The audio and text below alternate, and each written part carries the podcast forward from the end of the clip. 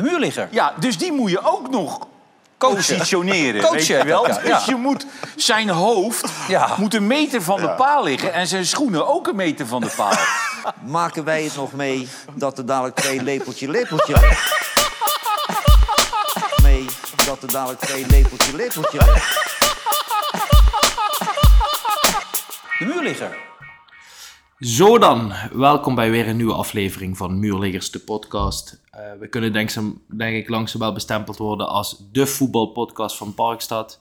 Tegenover mij, zoals altijd, Kiano. Kiano, eh, voor ons goede avond, maar welkom. Fijn dat je er weer bent. Brent, goedenavond en eh, ook fijn dat jij er weer bent. Hoe is het ermee? Ja, het was natuurlijk voor mij weer een fenomenaal weekend slash fenomenale week. Ehm, ja, wederom weer een paar jaar van mijn leven verloren met eh, de wedstrijden van Ajax United die afgelopen week eh, zijn geweest. Eh, United won dinsdag met 1-0 tegen Kopenhagen met bloed, zweet en tranen in de Champions League. Laatste minuut krijgen ze nog een penalty tegen die Onana pakt. Wat voor hem persoonlijk natuurlijk wel lekker is na het teleurstellende begin voor hem dit seizoen. Ook wel echt een overwinning die broodnodig was om nog de kans in de groepsfase om de volgende ronde te bereiken, om die nog in leven te houden. Dus eh, het begon redelijk oké. Eh, daarna heb ik eh, twee dagen later naar Brighton Ajax gekeken. Ja, dat was denk ik wel het slechtste Ajax wat ik ooit in mijn leven heb gezien. en niet eens... ja, het, het, het was natuurlijk het was tactiek om zo verdedigend te spelen, maar gewoon echt, het past totaal niet bij Ajax. En ik heb inderdaad zo'n zo'n elftal van Ajax heb ik echt nog nooit in mijn leven gezien. Dus dat was echt heel erg schrikbarend. Eh, ja, goed, dan weet je natuurlijk eh, na twee van dat soort wedstrijden dat je natuurlijk in het weekend eh, helemaal twee zware dobbers hebt met en PSV en Manchester City als tegenstanders. Ja, goed, dat was het ook. Misschien had ik wel een iets grotere afstraffing bij beide wedstrijden verwacht. Maar ehm, ja, goed, 5-2 en 0-3, dat is natuurlijk uitermate teleurstellend. Dus Bran, ik heb zo'n gevoel dat jij een wat fijner weekend hebt gehad. Ja, en zeker. En ook wel wat fijnere week natuurlijk. Hè? Eh, als je dan even de week samenvat. ehm speelde Arsenal eh, afgelopen dinsdag uit bij Sevilla. Dat eh, had ik al, al op voorhand ingeschat als een hele lastige pot. Dat bleek het in zekere zin ook wel te zijn. Al was het vooral omdat we onnodig nog een tegengoal eh, uit een corner krijgen. Verder denk ik een prima resultaat waarmee je zelf terug in pole position zet om gewoon die groep te winnen. En dan natuurlijk in het weekend eigenlijk een eh, soort eh 1-2'tje van een wedstrijd. Want eh, jij zei net, ik heb het slechtste Ajax gezien. Ik heb denk ik zaterdag de slechtste Premier League ploeg uit ja, sinds hele lange tijd gezien. Want Sheffield United is echt oprecht vier klassen te min voor deze competitie. Oprecht. Dus dat, eh dan kun je zeggen 5-0 is geflatteerd. Maar ja, dat is het ook enigszins. Want eh, ja, goed, dit is gewoon eh, eigenlijk eh, wat mij betreft nu al bestempeld als absolute degradant in deze competitie. Eh, met alles wat speelt rondom Everton en eventueel puntaftrek mag misschien wel een van een ploeg als een Luton of een Burnley misschien wel hoop houden dat ze daardoor een seizoen kunnen, kunnen overleven. Maar Sheffield gaat ik echt stijf onderaan eindigen. Ja, ze hebben zelfs van Manchester United verloren. Dus dat wil wat zeggen natuurlijk. Nee, maar ik heb inderdaad natuurlijk ook grotendeels van die wedstrijd gezien. Ja, dat is inderdaad wel echt by far de slechtste Premier League club die ik tot nu toe eh, aan het werk heb gezien. En die hebben ook niet echt perspectief eh, in die selectie zitten waarvan je denkt van, daar kunnen we nog op voorbeduren dat dat nog wel in de loop van het seizoen wat beter gaat. Nee. Al vond ik ze tegen United best af en toe aardig. Ja, ja, eh, maar dat is natuurlijk dat United natuurlijk ook super slecht is. Ik vergeet trouwens nog bij te vermelden dat ik vrijdagavond bij Roda Jong Ajax ook ben. Dat wilde ik jou namelijk net gaan vragen. Ja, Jij bent ja. daar geweest. Ik kon er helaas niet bij zijn. Jij had andere 2-1 verplichtingen. Ik had andere verplichtingen. 2-1 overwinning. Ja, Een eh, makkelijke overwinning of toch wel zwaar bevochten? Eh, toch wel zwaar bevochten moet ik zeggen. Want eh, ja, goed, eh, het is echt historisch. Maar het eerste van Ajax staat onderaan in de Eredivisie. En Jong Ajax staat onderaan in de Keukenkampioen-divisie. Hadden pas één keer gewonnen dit seizoen, Jong Ajax. Dus ik ging er eigenlijk wel vanuit dat Rode als koploper... Ja, niet piece of cake, maar dat er wel een, een Mhm. niveauverschil zou zijn. Ja, ik moet zeggen, ze begonnen redelijk aardig. Maar na de 1-0 voorsprong was het echt eh, Jong Ajax die de dienst uitmaakte. En die echt eh, wel een paar keer had kunnen scoren. Scoorde ook uiteindelijk 1-1 ruststand. tweede helft eh, was Roda wel een stuk beter en hadden ze er ook nog wel drie of vier kunnen maken. Ja, ja. Maar ja, ik heb toch het gevoel, die fase waar Roda momenteel in zit, dat gaat nog wel wat punten kosten. Dit ja, want ik wil je natuurlijk vragen, dat is natuurlijk voor de tweede week op rij dat je naar een thuiswedstrijd bent gaan kijken. Zie je dan toch dezelfde ja, situaties ontstaan? Ehm, waarvan je denkt, daar, het zakt in of het is het net niet? Nou, ik had het gevoel als, eh, kijk, tegen winnen twee spelers natuurlijk tegen tegenstander die verdedigend gezien heel compact stond en heel stabiel stond. Jong Ajax, ze, ze waren echt hele jonge spelers, want iedereen die daar Moest een beetje kon voetballen, die was de dag ervoor nog eh, in Brighton. Ja. Dus die stonden En echt zondag klaar voor Eindhoven natuurlijk. Ja, ja, precies. Dus die stonden echt eh, met een heel jong jeugdig elftal. Ja, en daardoor was er iets meer ruimte voor Roda om te voetballen tussen de linies. Maar ik had echt het gevoel, stel je zo tegen Cambuur, eh NAC, Emmen, noem maar op, ze hebben gespeeld, was het weer puntenverlies geworden. Ja. En er komt nu een maand aan met eh, waaronder wedstrijd tegen Groningen en tegen MVV. Dus eh, ja, ik ben benieuwd Heel hoe ze, bepalend. eh, ja, heel zich deze kunnen pakken. En was- morgen uit naar NEC trouwens. Hè, Ja, voor de beker. Ja, ja, ja. Ehm, dat was natuurlijk een korte samenvatting van hoe wij de voetbalweek hebben ervaren. Hè. Er zitten ook altijd nog wel wat andere momenten in. Je noemt eh, NEC, dat was natuurlijk verschrikkelijk wat daar afgelopen zondag op het veld, op het veld gebeurde. Ehm, Zo raar, hè? die Dossi zie je de hele wedstrijd sprinten, trekken, sleuren, maakt echt een fantastisch doelpunt. En, en opeens uit het Ja. niks zakt hij in elkaar. Dat is echt...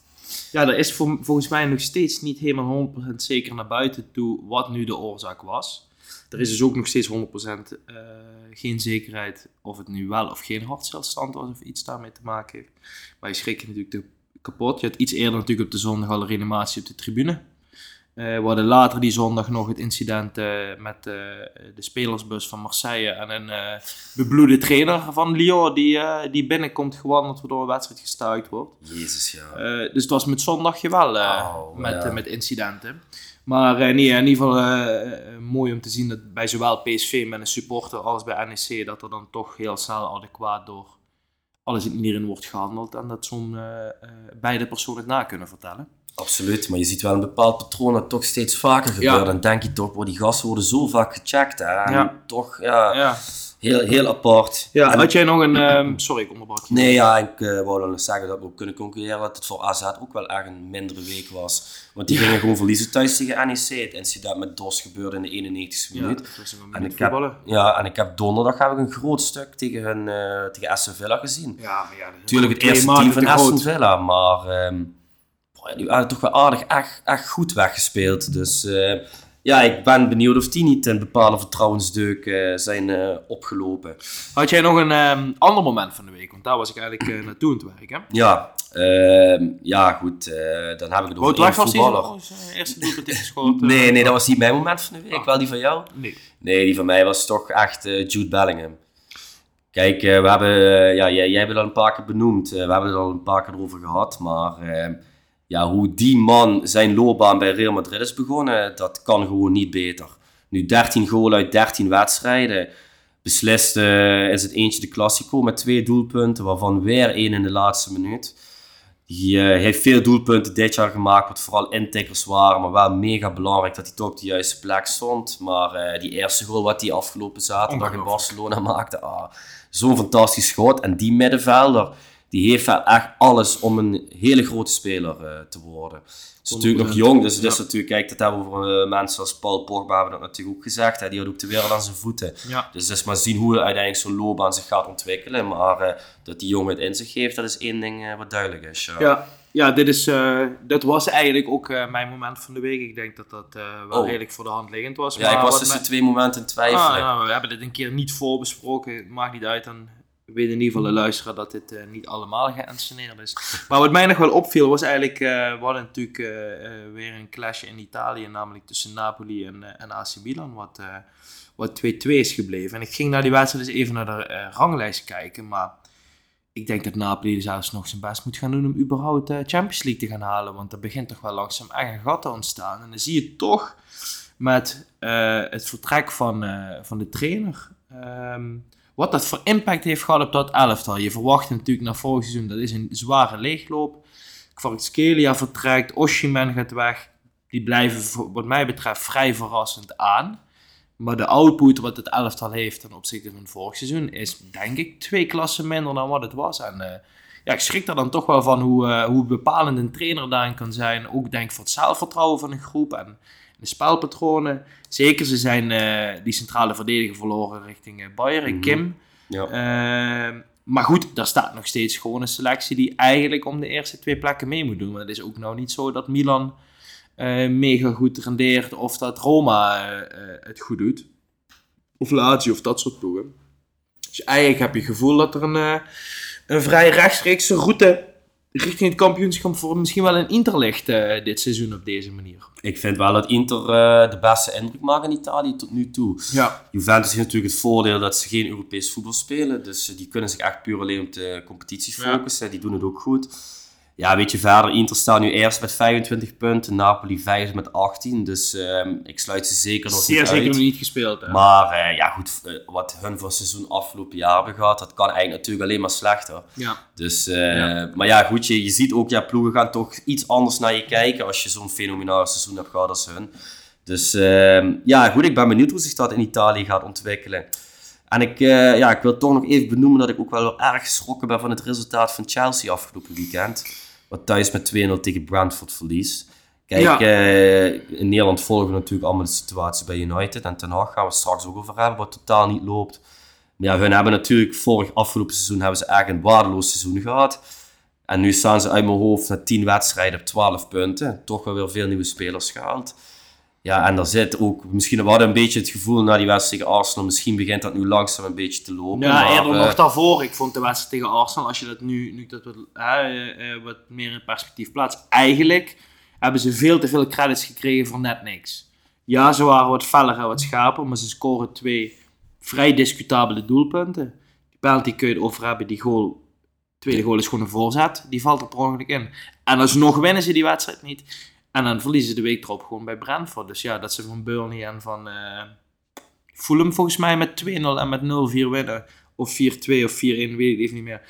Dat zijn eigenlijk genoeg. En ik denk dat dit Chelsea, ja, ik denk dat eh, dat Conference League eh, plek een succesvol seizoen is voor deze, deze selectie. Want ze kunnen niet meer dan vijf overwinningen aan elkaar rijgen. Heb jij wel nog vertrouwen in Pochettino dat hij hier nog eh, chocola van kan maken? ik heb vanaf het begin mijn twijfels gehad over het feit waarom je... Ja, ze hebben voor mijn gevoel in, in twee seizoenen een soort van 30 spelers doorgeselecteerd en doorgewisseld. Dus eigenlijk, ja, goed. Pochettino is net begonnen. Het, het zijn wel allemaal type spelers die bij Pochettino passen. Maar ehm, ik denk wel dat hij een soort van vrijbrief heeft gekregen voor het eerste seizoen, in alle eerlijkheid. Zeg mijn gevoel, want je ziet vrij weinig negatieve geluiden uit de Engelse media voorbij komen. Ook niet over- echt vanuit de achterban, vind ik. Nee, nee, nee, maar ik denk ook dat daar een soort van berusting is op basis van, hè, als je vergelijkt met, als Ajax ziet zijn met, ja oké, er zijn 12 nieuwe jongens en allemaal eh gemiddelde leeftijd zal 23 zijn, bij wijze van. Ja, maak er maar eens wat van. Van de andere kant is het natuurlijk eh, zeer lachwekkend. Want ze hebben volgens mij alweer eh, bijna een half, eh, een half miljard uitgegeven afgelopen zomer. Ja, en dan is dit wat je op de mat kan leggen. Ja, dat is natuurlijk wel echt eh, schrikbarend eigenlijk. Ja, absoluut mee eens. Nou ja, goed Brent, dan... ehm, Ik denk dat het tijd is voor de stellingen, toch? Dan hebben we een mooie samenvatting gedaan van, van de voetbalweek. prima. Stelling 1, Keanu. Dan gaan we het toch weer hebben over je clubje. Maduro heeft afgelopen week laten zien dat er wel degelijk potentie in dit Ajax zit. Eens. Daar ben ik het mee oneens. Stelling 2. Emi Martinez is onterecht verkozen als beste keeper van de wereld. Eens. Eens. Stelling 3. Feyenoord heeft afgelopen weekend zijn titelkansen verspeeld. Oneens. Daar ben ik het ook mee oneens. Stelling 4. Santiago Jiménez heeft alles in zich om een absolute wereldspits te worden. Eens. Ook mee eens. En stelling 5, Keanu. Erik ten Hag is voor de winterstop geen trainer van Manchester United meer. Oneens. Mm, mijn gevoel zegt oneens. Maar, toch gaan ga we je eens zeggen, ja. Nou, laten we, laten we maar meteen eh, beginnen bij, eh, het venijn zit in het slot. Bij het wel. begin. Jij, ik hoorde jou net zeggen dat eh, Brighton eh, voor jou het slechtste Ajax was wat je afgelopen seizoen hebt gezien. Ik moet in alle eerlijkheid zeggen, de lat ligt voor mij voor dit Ajax zo laag dat ik eigenlijk de eerste 20 minuten dacht. Oké, het ziet er in ieder geval stabiel uit bij dit Ajax. Ik vond het niet slecht. Kijk, als je natuurlijk die wedstrijd gaat eh, in perspectief gaat plaatsen na 90 minuten, ja, dan creëer je werkelijk helemaal niks. Maar de, eerste, maar de eerste 20 minuten dacht ik, hmm, oké, het, het staat eindelijk eens een keer stabiel. Brighton voetbalt er doorheen, maar niet met dusdanige dreiging dat je er met 6-0 afgaat, wijze van. Ehm, wat me wel meteen opviel is dat Ajax met een bepaalde gedachtegang richting Engeland is afgereisd.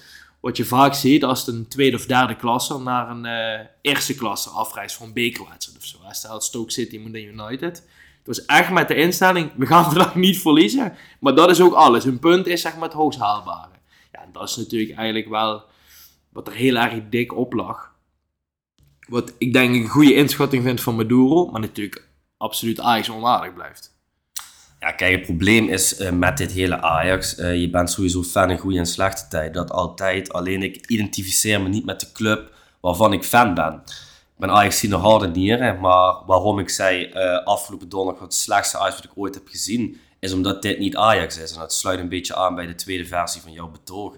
Ja, weet je, je kan niet als Ajax zijnde uit naar Brighton gaan, die nog nooit eh, in Europa gewonnen hebben, en daarom een 0-0 gaan spelen.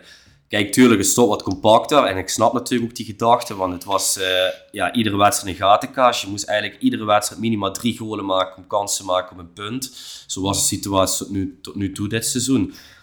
Maar ja, goed, als die momenten, als jij dan de bal krijgt en niemand durft een bal vooruit te spelen. En alles gaat de hele tijd maar terug. Volgens mij die Ramash, die heeft bijna in de eerste hal- 35 minuten 80 eh, keer de bal gehad. Ja, goed, dan denk ik van waar ben je dan mee bezig? En ik snap het allemaal, het was kort dag en eh, er moest wat gebeuren. Maar weet je, je hebt toch drie snelle jongens voorin. Dan denk ik van, dan probeer dan gewoon maar op goed geluk die lange ballen over die verdediging heen te speuren. Zodat je in ieder geval een beetje het geluk gaat afdwingen. Maar hier zat gewoon echt eh, ja, 0,0 in. En ik vond het echt een schandalige vertoning. Ehm, de reden waarom ik toch eens eh, op de stelling zei, is omdat mij de eerste helft tegen PSV, eh, ja, die kwam voor mij echt uit het niets. Want ik had echt het idee van dat PSV, ja, dat voelt dat Ajax eh, rijp voor zijn slag is. Vol stadion. Al die, eh, die lampjes die genieten van de situatie bij Ajax. Dat ze laatste kunnen gaan staan. Hun staan bovenaan. Ja, die, ik denk die gaan er met een heen om daar met 7-0 overheen te walsen. En als ik zie hoeveel opgelegde kansen Ajax in de eerste helft krijgt. En dan heb ik het echt over gewoon 3, 400% kansen. Dat je daar gewoon echt met een grote voorsprong de Russen moet gaan. Dan denk ik van ja, goed, je hoeft in ieder geval niet met dit elftal laatste te staan. En als er dadelijk een beetje vertrouwen in die groep komt, dan kom je ook nog wel in dat linker rijtje. En of het uiteindelijk top 5 of top 6 gaat worden, dat zien we dan wel weer. Maar daarom zeg ik wel, er zat iets van perspectief in. Ja, ik, ik snap dat standpunt. Ik denk dat je ook geen gekke dingen zegt. Maar is het voor jou dan toch Maduro die dit heeft laten zien? Of is het eigenlijk het feit dat er ehm, eens een keer wat lukte? Met name dan afgelopen zondag. Kijk, op donderdag kan ik stellen, Maduro heeft het zo neergezet dat het stabiel genoeg is. Maar volgens mij zaten daar twee of drie dagen tussen het vertrek van Stijn Maandag, maandagavond ging Stijn, donderdag was de wedstrijd. Ik kan me niet voorstellen dat Maduro het volledig heeft omgegooid. Zondag is een ander verhaal. Ehm, maar heeft Maduro het laten zien? Oftewel, is het dan de trainer Stijn die eigenlijk de afgelopen weken ervoor heeft gezorgd dat Ajax staat waar ze staan? Of is het meer van dat er misschien eigenlijk eens het klikmoment was en eh, naar mijn mening PSV Ajax ook wel de ruimte gaf om te voetballen? Dat laatste sowieso. Ik denk echt, ja, dat, dat kan je eigenlijk niet voorstellen normaal gesproken, maar dat PSV Ajax best wel onderschat had. In de zin van, eh, dit gaat wel goed komen, dat, dat varkentje gaan we wel even wassen. Terwijl ik dat niks voor Peter Bos vind. Nee, maar ja, die heeft dat toch, ik denk toch dat dat bij die spelers op de ene, manier, een of andere manier is ingeslopen. En als Maar, je ziet wat ja. PSV tot nu toe gepresteerd heeft en Ajax, is echt een wereld van verschil. Ja. En ja, ouwe, die, ja, weet je, Bobby mist gewoon eh, twee keer voor open goal daar. eh, en Ja, ik vind, dat, ik vind dat daar eigenlijk te weinig over wordt gezegd. ja, dat, Ik vind dat echt beschamend. Ja, mee eens. Ik vind dat echt beschamend. En dan hoor ik eh, Van de Vaart bij Studios Voetbal op zondag zeggen... Bobby had echt een goede wedstrijd. Nee, Nee. Absoluut niet. Want je moet, kijk, als je daar gewoon met drie of vier in gaat rusten, dan is het een heel ander verhaal. Dat je ziet PSV er niet alsnog vijf maken. Nee, helemaal mee eens. En, en ik denk dat mag, dat mag je zich echt individueel aan, eh, aanrekenen. Ik denk wel aan vooral de tweede kans die hij voor open goal mist. Eh, de ruimte die PSV daar achter de linie laat. En gewoon hoe makkelijk Ajax er dan doorheen kan voetballen. Ehm, dat is, daar schrok ik ook wel van. Ja goed, wat je dan wel ziet is natuurlijk de kwaliteit van een brede selectie. Bos zet het in de reuze om met eh Til en Saibari. Ja, dan staat gewoon een totaal ander PSV en binnen zes minuten staat het 3-2. En dan komt natuurlijk wel, op het moment dat natuurlijk al vrij snel die 2-2 valt, dan weet je gewoon wat gaat gebeuren. Dan voel je aan, de, aan alles, zeg maar, dat, dit- ze gaan er nu overheen. Zeker, maar de type golen die je dan uiteindelijk tegenkrijgt, ik weet niet of je ze gezien hebt. Ja, ja, ja die links en die rechtsback. Ja. Die linksback die Overmars dus voor 14,5 miljoen aan Ajax heeft verkocht. Ja, en die rechtsback, wat die bij die 3-2 van Lozano doet, die Gaie. Ja, ik heb dat, dat, dat zie je op de zesde klas op zondagochtend niet. Dat een bal gewoon voorgegeven wordt, dat hij er steeds verder van wegloopt, zodat je direct de tegenstander precies voor je kan komen om binnen te tikken. Dat zie je op een zondag zesde klasse niet. Ik zweer het je. Ja, ik, ik weet ook niet hoe ik dat moet analyseren of hoe ik eh, me daarvan uit moet laten. Want ik, ik geloof het, ik zie het met mijn ogen, maar ik geloof het gewoon niet dat dit eredivisie-niveau is. Ja. En een Ajax-shirt Ja. Echt onvoorstelbaar. Nee, dat is zeer begrijpelijk. Maar als we dan even terugkomen op, zeg maar, hè, de trainer. Zie jij dus wel nu dat je denkt van, oké, hè, heb je dusdanig vertrouwen in van het schip? Kunnen we dan dus ook concluderen dat Stijn wel, het vertrek van Stijn, de oplossing is voor dit Ajax of niet? Want dat is eigenlijk natuurlijk wat we eigenlijk bespreekbaar proberen te maken. Ja, vind ik het eerlijk gezegd nog net iets te vroeg voor om dat te concluderen. Maar als je wel ziet en leest wat allemaal naar buiten is gekomen sinds het vertrek van Stijn, ja, dan was het wel absoluut eh, de beste optie. Want ja, die Tahirovic, die, die geeft twee dagen later meteen een interview af van Bonnet. Dit is echt goed voor de spelersgroep. Eh, Er wordt meteen een stuk meer gelachen op de training. Veel meer positiviteit. Iedereen is een stuk chiller naar elkaar. Ja, weet je, ik denk dan ook, dan steek je ook een mes in zijn rug. Want die Tahirovic heeft zelf nog geen goede wedstrijd gespeeld. precies. Kijk, en die Maduro die, die zegt dan ook van ja, ik heb vaker tegen Maurice gezegd dat het veel compacter moet. Ik denk van, weet je, je zit er wel als assistent zijn op de bank. Je mag zelf ook met je vuist op tafel slaan. Ik denk, je geeft toch niet meer alleen een advies en dan moet de hoofdtrainer bepalen of hij het wel of niet doet. Ja, ik vind dat Nee, dat is een makkelijk achteraf. hele rare gang van zaken. En van Maduro heb ik sowieso geen hoge, geen hoge pad op. Helemaal naar alles wat daar nog naar buiten Ja, wat dat is het gekke is, eh, je hoort dus iedereen in die voetbalwereld dat het echt een natuurtalent moet zijn, maar ik heb hem ook wel eens vaak als analist bij ESPN gezien. Alleen maar clichés en nooit dat ik denk van, boah, wat die man zegt, hey, dat eh bekoort me wel of zo, Ja. weet je wel. Ja, terwijl, zeg maar, ik heb dus eh, als voetbalanalist, als je dan gaat kijken, idem bij een John van het Schip, dat ik denk, ja, wat zegt hij nou? Maar ik bekeek zondag, eh, of maandag Rondo en daar was hij ook even in. En laat ik het zo zeggen, ehm, je, je hebt mensen die kunnen zich goed presenteren, je hebt mensen die kunnen iets overbrengen. Eh, ik weet niet of het een of het ander was, maar ik dacht wel, oké, alles wat hij zegt, hij zegt wel de juiste dingen op dit moment. Dus ik heb wel het idee dat er nu wel iemand zit die in ieder geval wel de juiste dingen zegt. Het gaat natuurlijk blijken of dat de oplossing is. Maar ik ben er dus ook nog niet over uit of wat we zondag hebben gezien een opleving was, of dat het is wat Ajax kan. Want dan ben ik het met je eens, dan kun je in ieder geval van eh, op misschien eh, Twente, Feyenoord, AZ en PSV na aan deze competitie eigenlijk van iedereen winnen. Als je zo voetbalt zoals de eerste helft zondag, met wel absolute kanttekening dat eh, Brian Bobby, Bobby niet in de spits staat. Want hij kan zeer zeker alles goed doen. Maar uiteindelijk staat hij er om eh, die doelpunten in te tikken. Ja, je ziet ook iedere bal die hij afvaakt, valt hij gewoon achterover. Hij blijft nooit op zijn benen staan. Het is echt een hele rare manier van voetballen. Maar eh jij zei wel iets interessants over Van het Schip. Want volgens mij vorige week, als ik me goed herinner, had jij zoiets van ja... nou, Ik had dan toch eerder voor een Henk ten Katen gekozen. Mee eens? Maar dit interview wat je bij Ron hebt gezien, dat heeft je dan toch een klein beetje de gedachte... Nou, maar ik bedoel daarmee meer te zeggen. oh, Ook wat jij eh, aangeeft van, eh van Maduro blij een natuurtalent te zijn. Ehm, ik ga niet op basis van één interview zeggen: John van het Schip wordt de messias van, eh, van Ajax. Maar ik dacht wel, ook gezien zeg maar, wat er in zijn leven afspeelt op dit moment met privé situaties. Ik had wel het gevoel: oké, voor mijn gevoel zegt hij wel goede dingen. Eh, hij is er in ieder geval wel eh, met een idee naartoe gegaan.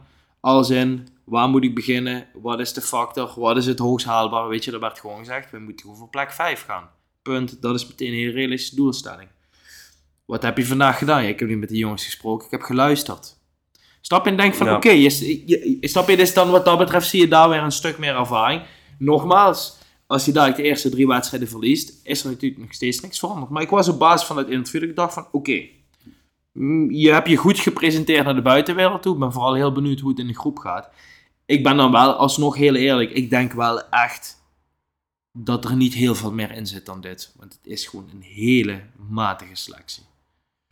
Ja, ja goed. Ja, dat, eh, dat ben ik met je eens. Eh, dat, daar kan ik niks tegen inbrengen. Kijk, wat mij een klein beetje houvast dan toch biedt, is het eh, programma wat ze nog dit kalenderjaar hebben.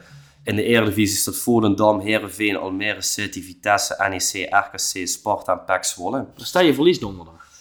Ja, ik weet niet of de arena dan in, eh, niet in de fik gaat staan, bij wijze van spreken. Ja, nee, onzin. Maar ja, goed, dat is natuurlijk eh, het allerergste wat er kan gebeuren. Als je morgen eh, meteen verliest. Ja, goed, daar kan ik heel veel woorden aan wijlen. Maar ja, dat is gewoon zo. Ja, goed, ik, ga, ik, ik heb wel heel sterk het gevoel dat ze morgen thuis tegen Volendam gaan winnen. Maar er staat natuurlijk heel veel spanning op die benen. Maar ja, goed, het wordt natuurlijk gewoon tijd dat, eh, dat die voetballers, kijk, ze zijn allemaal professionele voetballers. Er zitten toch 14 eh, internationals in de selectie, ondanks dat de selectie heel matig en gewoon slecht is. Ja, kijk, het wordt nu wel tijd dat hun ook gewoon hun, hun verantwoordelijkheid gaan nemen. Ja. En gewoon laten zien eh, dat ze thuis tegen Volendam gewoon kunnen en moeten winnen.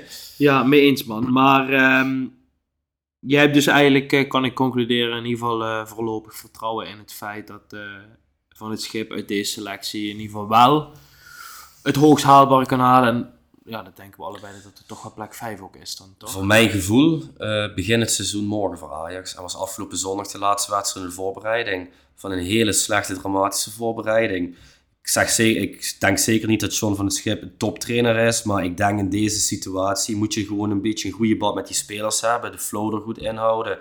En dat kan je wellicht al misschien inderdaad nog een eh, plek 5 opleveren. Ja. We gaan het, eh, we gaan het zien. We gaan morgen, het zien, weten we, morgen weten we meer, eh, donderdag. Spannend. Ja.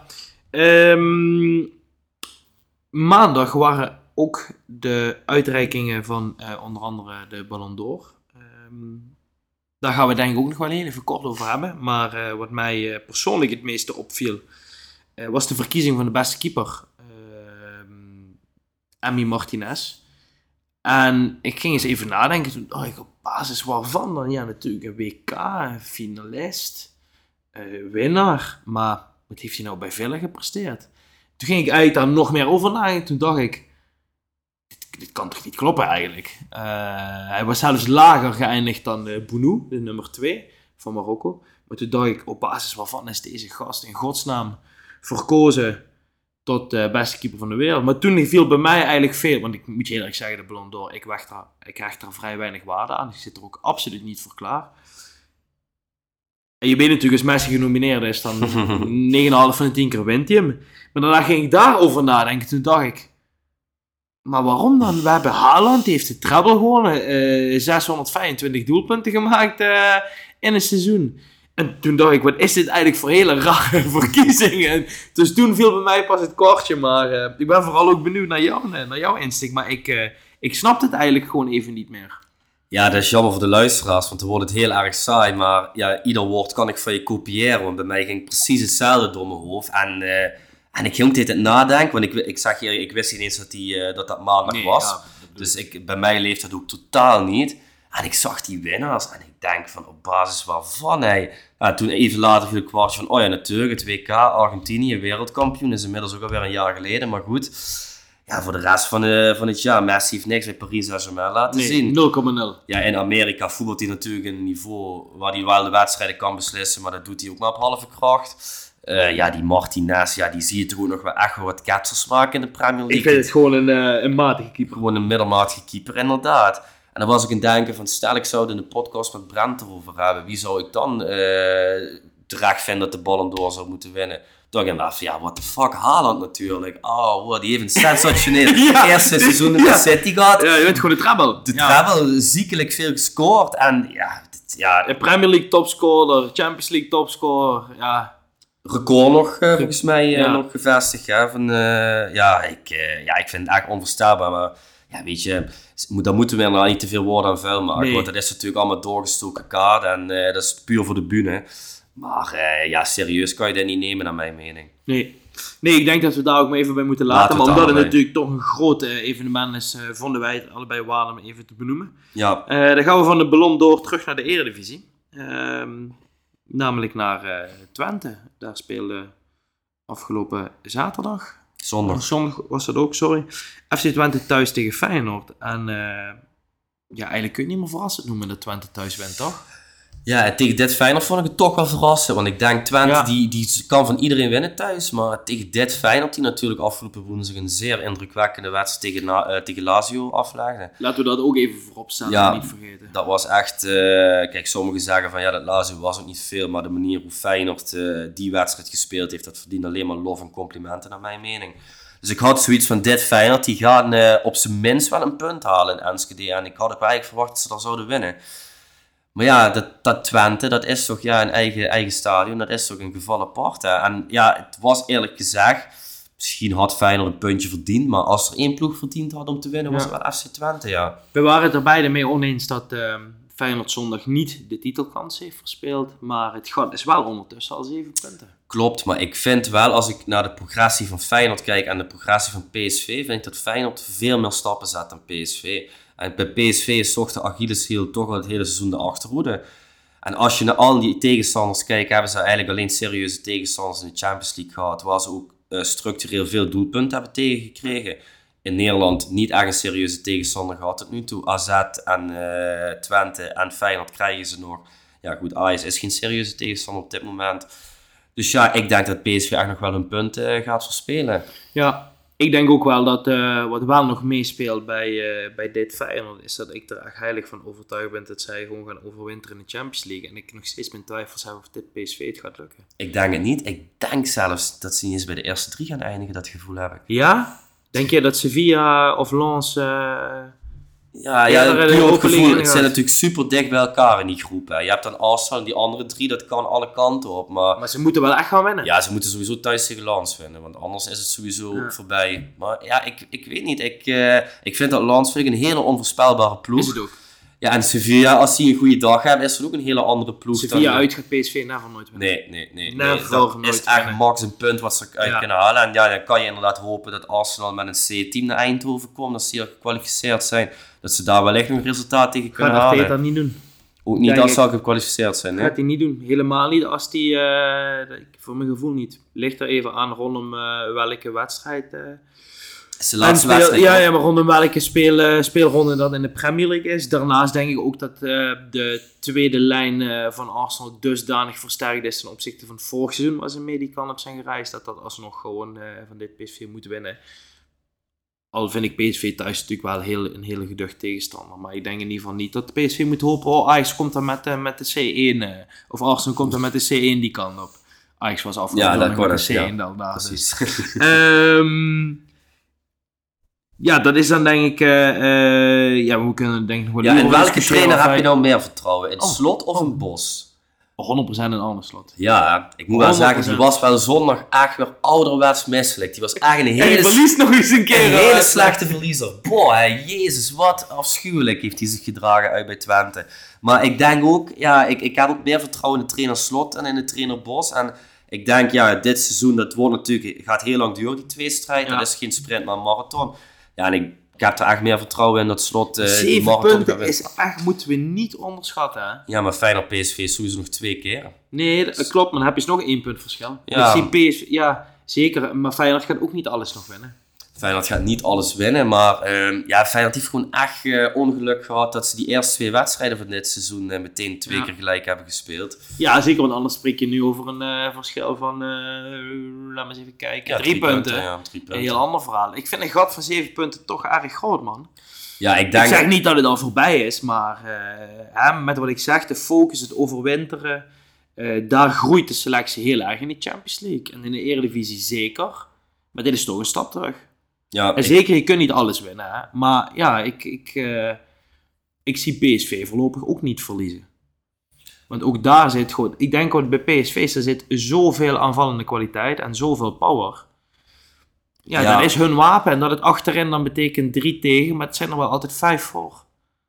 Eh, ja, dat, eh, dat klopt inderdaad. Ik ben eens aan het kijken wat PSV dit weekend heeft. Want die krijgen dus wel echt nu nog twee zware maanden. Oh, dit weekend uit naar Heracles, dat komt ook wel goed. Maar ja, als ze nog in die laatste anderhalve maand nog Twente, eh, AZ en Feyenoord tegen moeten, ja, dan gaan ze geen negen punten uithalen. Nee. Daar ben ik van overtuigd. Hey, als we even bij Feyenoord blijven en dan koppelen we even stelling 3 en 4 aan elkaar. Ehm, dan wil ik vooral eigenlijk even terug naar eh, door de week, de wedstrijd tegen Lazio. En met name eh, Santiago Jiménez.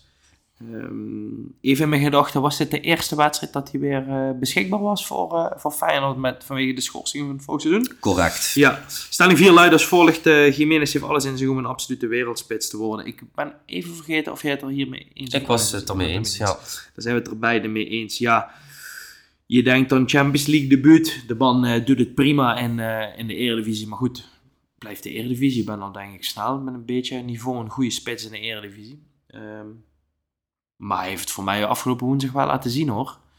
Ik, eh, ik denk oprecht dat deze jongen ehm, bij de juiste volgende stap in zijn carrière wel eens een hele, hele grote kan worden.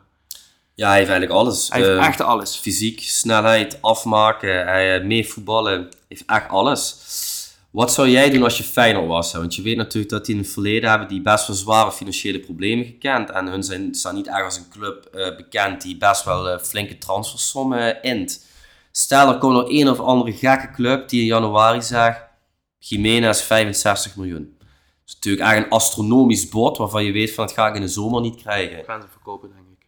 Maar zou je dat doen als Feyenoord Nee, zijn? natuurlijk niet. Maar dat gaan ze wel doen. Want ja, dan, ja, dan, dan verandert natuurlijk wel echt het hele speelveld. Want ik denk als je hem weggaat, natuurlijk, als je zo'n Minten daarin zet, is Ik- het ook leuk. Maar Ik denk wel, hij, ehm, dit komt uit de hoed van, ehm, ik ben even de naam van de algemeen directeur van Feyenoord. Dennis de Kloeze. Dennis de Kloeze, ja, want die heeft natuurlijk de hele tijd in Mexico gewerkt. Ehm, wat je vooral hoort, is dat Jiménez iemand is die heel erg doordacht met zijn carrière omgaat. Hij zal ook ergens beseffen, het seizoen met Feyenoord afmaken is beter voor mijn carrière dan op mijn 22e in januari vertrekken. En hè, naar, naar de Premier League of de Bundesliga of, of eh, La Liga gaan. Ehm, ik denk wel, hij is nu gewoon al 50 miljoen, laten we zeggen 35 tot 50 miljoen euro waard. Ja, als je zo'n bod krijgt als Feyenoord zijn. Hè? Kijk, stel hij been in, eh, in januari, na de winter. Ja, kijk naar de situatie met Jurgensen toen. Die heeft alles eh, erin geschopt het eerste seizoen. Newcastle komt met een bod van 22,5 miljoen. Had zoiets van, ja, nee, we houden hem toch nog een jaartje. Ja, die is toen eh, uiteindelijk voor, ja. eh, voor 2 miljoen is hij toen weggegaan. Die heeft geen pepernoot meer Nee, gepakt. nee, ik denk eerlijk gezegd dat dat niet gaat gebeuren. Maar ik ben wel benieuwd wat jij dan een logische vervolgstap voor hem zou vinden. Ik denk echt oprecht, of je die Mano in Spanje, Engeland of Duitsland neerzet, Italië zou dat niet doen. Ik denk dat die alle, in alle drie die competities zou die eraan kunnen. Waar je wel rekening mee moet houden, en ik denk toch dat grote clubs dat doen, ehm, is dat tegenwoordig een topscorer in de Eredivisie, dat dat eigenlijk helemaal niks meer zegt voor het buitenland. Want ja, noem mij nog één topscorer in de Eredivisie van de afgelopen seizoenen die geslagen is in het buitenland. Ik kan hem niet noemen zo snel. Kijk, natuurlijk, hij speelt een goede wedstrijd tegen Lazio. Maar ja, we moeten dadelijk toch zien eh, of hij eh, ja, meerdere wedstrijden in de Champions League dat niveau kan, eh, kan aantonen. Maar eh, ja, ik denk wel, eh, in januari heb je misschien eh, dat je zo'n astronomisch bod krijgt. Omdat zo'n club dan toch denkt van, oh paniek, het loopt niet. We gaan dit geld voor hem neerleggen. In de zomer zie je toch meestal dat zo'n marktwaarde toch wat meer omlaag gaat. Omdat ze ook wat langer natuurlijk de tijd hebben. Ik denk dat echt, eh, als je een ideale stap hebt, en ik ben het overigens met je eens, ik denk misschien Engeland. Ik zie hem bijvoorbeeld eh, best graag bij, eh, bij Arsenal rondlopen. Ja, Eh, ben ik van overtuigd, ben ervan overtuigd dat hij in dit systeem past, dat hij iets kan toevoegen aan dit systeem. Wat, denk je dat hij meer potentie heeft dan een Enketia bijvoorbeeld? Ja, 100%. Maar ik denk dat Dortmund echt een goede tussenstap voor hem zou zijn, man. Ja, was ook aan te denken. En ja, goed, ik denk, ja, goed, dat maakt natuurlijk weer geen vrienden met jou, maar ik denk dat hij in zo'n Spurs zou die ook echt prima 100%. passen. Ja, 100%. Ja, mee eens, man. Hij Ja. zou, ik zou alleen niet naar United gaan als ik hem was. Nee, maar dat gaat ook niet gebeuren met eh Hoylund. eh, Nee, nee, nee, nee. en- Nee, het gaat niet gebeuren, nee. Ehm, als we dan toch eh Ja, bij een bruggetje bij United ja. zijn. Ja, we hebben het natuurlijk al gehad over wat afgelopen zondag gebeurde is. We hebben het hier ook meermaals gehad en vrij uitgebreid ook gediscussieerd over het feit van, ja, wanneer is Erik er nog iets aan te rekenen, ja of nee? Ja, zondag was het weer zover. De Engelse media is weer eh, on fire. Eh, Ten Hag stond natuurlijk onder druk, winde zichzelf eh, wel iets meer, eh, ehm, ja, laat ik het zeggen, iets meer dagen Premier League schap trainer, onder andere door de overwinning op Sheffield. Maar de stelling is als volgt. Erik ten Hag is voor de winterstop geen trainer van United meer. Ehm, ja, Wa- waar moeten we beginnen? Ja, we hebben het er natuurlijk al zo vaak over gehad, dus ik wil natuurlijk niet in herhaling vallen, maar... Ik weet namelijk wel waar we moeten beginnen. Nou, dan zou ik dan jou, jou het woord geven, of niet? Ik heb hier een lijstje voor me, Kian. Oh, oké. Hebt een Met lijstje. wat Erik ten Hag aan permanente transfers heeft uitgegeven sinds dat hij trainer is voor Manchester United. Ja, Dat is namelijk 410 miljoen pond. ja, dat zou Oftewel- kunnen kloppen. Zeg eens een slordige 500 miljoen euro. Ja, Met absolute topper bovenaan, wat wat mij betreft echt de grootste miskoop is van de afgelopen 10 jaar, Anthony voor 86 miljoen pond. Je hebt die wedstrijd zondag gezien. Toen ik die actie van Anthony zag, dacht ik bij mezelf, als jij een beetje een trainer bent, Erik ten Hag, dan haal je een paar direct van het veld af. Want ik vind het dus belachelijk. Kijk, ik weet dat er wat incidenten hebben plaatsgevonden tussen Sancho en tussen Ten Hag. Maar ik vind het dus belachelijk dat die jongen de voorkeur krijgt boven Sancho. Op basis van wat? Wat heeft hij nou laten zien de afgelopen twee jaar? hij heeft eh, inmiddels meer gele kaarten gehaald dan doelpunten en assists. Dus dat is op Ja. zich wel een knappe Kijk, prestatie. en dat is natuurlijk, hè, dat is frustratie en er speelt hij veel. Dat is allemaal niet erg. Ik overdrijf natuurlijk ook een beetje, maar ik denk wel, dit is gewoon het probleem van United. Dat wat Ten Hag heeft aangekocht, is gewoon fout, is gewoon verkeerd, is het niet. Want eigenlijk wat hij dit seizoen heeft gedaan, is hij haalt vorige zomer, haalt hij eh Eriksen en Casemiro. En deze zomer is hij ze eigenlijk aan het vervangen met Amrabat en met Mount. Waarom geef je dat geld dan vorige zomer uit? Ja, goed, kijk, je moet natuurlijk niet vergeten dat ze vorige zomer, eh, de eerste, ja, eigenlijk de hele zomer, hebben ze getrokken aan Frenkie de Jong. Dat was topprioriteit 1. Constant goede hoop gehad eh, dat hij zou komen. Uiteindelijk kwam hij niet. Ja, goed, moesten ze overschakelen naar plan B. Maar United heeft dus een positie wereldwijd in de transfermarkt.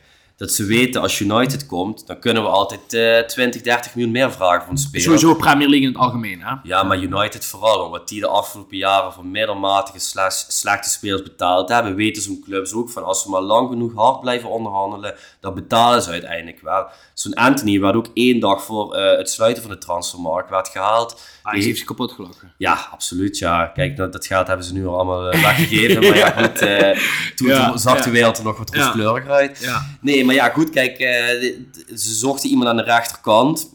Optie A kon niet, optie B kon niet. Ja, goed, dan willen we Anthony. Ten Hag kan, hem. Ja, goed, dat Ajax een 100 miljoen vraagt en United dat ook nog uiteindelijk betaalt.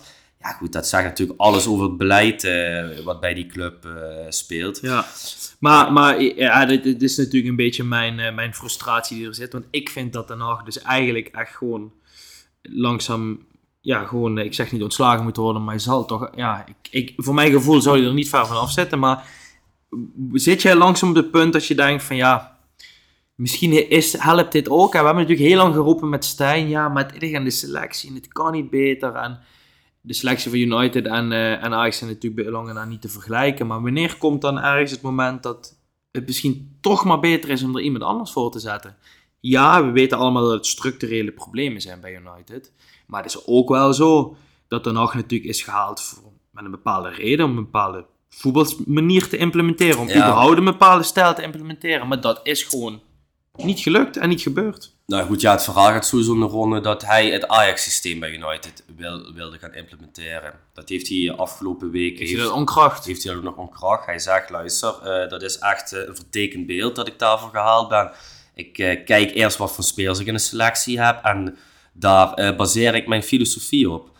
Dus ja, goed, dat vind ik op zich wel redelijk verklaarbaar, want met deze spelers kan je ook absoluut niet Ajax voetbal spelen. Zeker niet als ik naar die achterhoede kijk. Ja, wat ik dan nog interessanter vind, als je naar de statistieken van alle aanvallers dit eh, Premier League seizoen kijkt. Anthony, 0 goals, 0 assists. Garnacho, 0 goals, 0 assists. Heulund, 0 goals, 0 assists. Martial, Premier League, hè? 0 goals, 0 assists. Rashford, 1 goal, 1 assist. Sancho, 0 goal, 0 assist. Ja, dat is natuurlijk om te huilen. Kijk, en laten we eerlijk zijn, vorig jaar is er natuurlijk ook een heleboel eh, vertekend beeld geweest, omdat Rash, Rashford natuurlijk een fenomenaal seizoen beleefde. En als het eventjes niet liep, was hij er altijd met een individuele, individuele actie die het verschil maakte.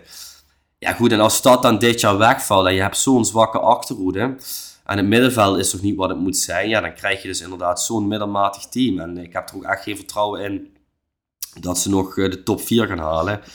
Maar ja, ik denk wel, weet je, zo'n Rashford, dat kan niet met zelfvertrouwen te maken hebben, want hij weet dat hij de man is bij United. Hij heeft vorig jaar alles, alle vertrouwen gekregen. Hij heeft een nieuw contract aangeboden gekregen. Ja, dat dan momenteel niks lukt. Ja, goed, waar ligt het dan aan? Ja, tuurlijk, je kan een trainer wisselen. Een trainer is altijd verantwoordelijk voor de resultaten. Maar ja, ik denk echt oprecht, eh, zet er iemand anders neer. Misschien lopen drie maanden. En eh, je gaat weer gewoon in hetzelfde patroon vallen. Ja, maar kijk, hè, ik blijf erbij. Ten Hag wordt binnengehaald, is de ultieme wereldtopper. De toptrainer. Ja, eh, ik ben het er niet mee eens. Ik ben het er ook niet mee eens, maar is het dan een geschikte match voor United? Nee, maar dat dat het verhaal is dat hij als een wereldtopper is binnengehaald. Ja, zeker Hij heeft een goed seizoen bij Ajax gehad. Zeker, ik denk dat de hele wereld eh, eh, dacht, eh, wow, United zet, eh, snap je wat ik bedoel? Hè? Echt een goede keuze. Wat anders dan toen de trainer van Spurs kwam. Alleen als je gaat kijken wat de trainer van Spurs in zes maanden tijd heeft weten te doen met een ploeg die een even middelmatige selectie heeft als United. Minder geld heeft je uitgegeven. Ja, Oh, dan, dan, dan, dan is het toch wel de trainer die aansprakelijk is. Kijk naar Unai Emery bij Villa. Ja, Die heeft met dezelfde selectie een bepaalde voetbalstijl geïmplementeerd ten opzichte van de vorige trainer. En het lukt wel. En dan heeft hij nog ook nog eens een keer de mogelijkheid gehad om een half miljard uit te kunnen geven aan spelers die hij wilt. Maar hij heeft A, absoluut niet het zicht op wat nodig is in de selectie. Het hele feit dat hij heeft gepresteerd bij Ajax is ook de reden omdat Mark Overmars gewoon echt oog voor talent heeft. Ik ben ook voornamelijk van overtuigd dat Mark van Bommel niet zo'n eh, topper is op het gebied van... eh, Nee, maar je, je zegt dus eigenlijk dat een technisch directeur, dat is even belangrijk als een trainer. Nee, maar 100% hè. En Ja, dat is ook het probleem van Ten Hag. ja, Alleen, precies. waarom heeft die man dan zoveel macht? Ja goed, eh, ik weet niet of hij zoveel mag heeft, want er zijn natuurlijk een heleboel spelers die eigenlijk wel, die niet gekomen zijn. Kijk, en dat hij zei, ik wil Anthony. Ja goed, Anthony is echt maar maximaal 35 of 40 miljoen waard. Dat United daar uiteindelijk 100 miljoen voor Maar betaalt. Anthony is toch geen speler voor, voor de Premier League? Eh, nee, ja, dat kunnen we nu wel concluderen. Ja, kijk, vorig jaar zat, zat hij natuurlijk nog iets anders in de wedstrijd. Hè. Toen had hij natuurlijk bij Ajax was hij wel klaar. Hij was klaar voor de volgende stap. Absolute top was te groot. Ja, United was toen ook geen absolute top meer. Ze hadden iemand aan die rechterkant nodig. Ik kon toen nog wel redelijk die stap verklaren. Maar ja, goed, als je ziet wat hij nu in anderhalf seizoen gepresteerd heeft, is het natuurlijk zwaar om te huilen. Ja. Dat is gewoon zo. Maar oké, dus jij, eh, jij bent nog steeds niet te verleiden tot, eh, tot zeggen van ja, misschien is het misschien is het Ontslag niet. klaar. Nee, ik heb het niet over ontslag eh alle minuut, maar we hebben het natuurlijk over van oké, wat is dit nu tot de winterstop aan, Ja, ik zie wel een aan- perspectief. aanbungelt. Ehm, is het dan niet misschien maar goed om te concluderen, het werkt niet en zet er maar wat nieuws voor de groep. Hè? Nogmaals, voor mij is het bijna te vergelijken met Ajax. Wat haal het er niet uit. Alles behalve. Hij krijgt niet dat uit de spelersgroep wat verwacht wordt. Sterker nog, hij kan niet eens een bepaald tactisch plan projecteren op die spelers, voor mijn gevoel.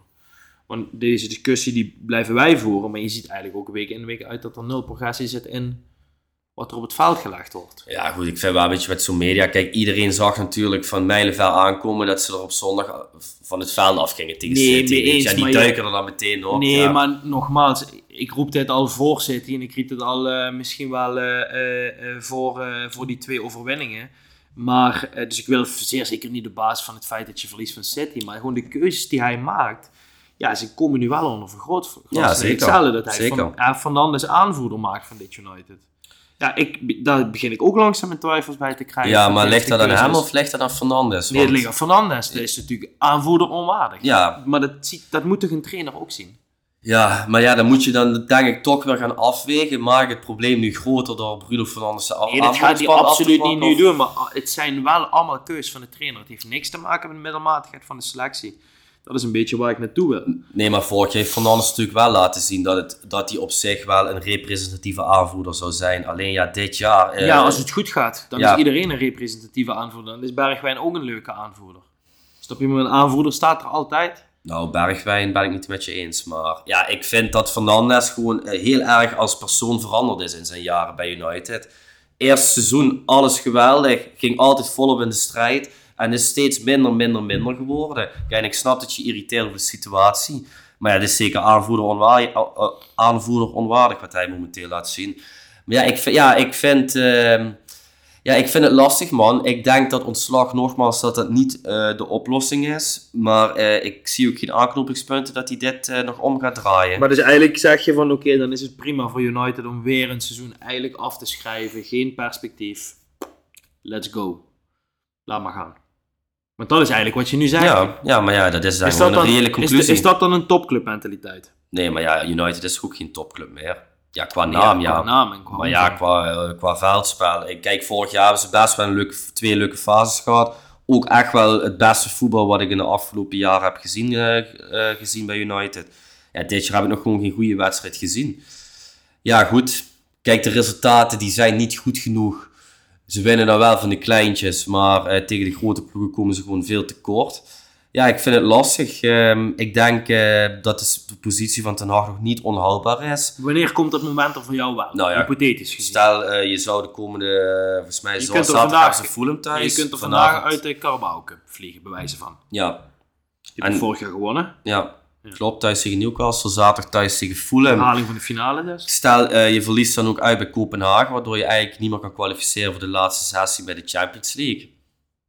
Dan, Dan houdt het eh, wel langzaam op, ja. maar dan hebben we toch wel langzaam alsnog rondom de winterstop eh, dit gesprek. Ja, maar ik denk dat, ze, dat het niet zo ver komt, man. Ik, kijk, dat hij uiteindelijk daar een groot succes gaat behalen, daar ben ik bang voor. Maar ik denk wel dat hij de winterstop nog gaat overleven. Jij bent dus ook wel ervan overtuigd dat in ieder geval dit scenario wat je net schetst, dat dat niet gaat gebeuren. Nee, Jij denkt wel Champions League eh, overwinteren. ja. En vanavond ook winnen. Mm, vanavond weet ik niet. Maar ehm, ja, vanavond zal wel heel dicht bij elkaar liggen. Ik verwacht Is niet dat voor je jou- met 0-2 of 0-3 er vanaf gaat vanavond. Is voor jou eh, eh, geen prijs, wel Champions League kwartfinale halen en vijfde worden een goed seizoen voor Hag? Nee, mag, hij dan, mag hij dan... Dan mag het- niet tevreden Mag dan in de zomer worden gezegd, hij krijgt nog een jaar?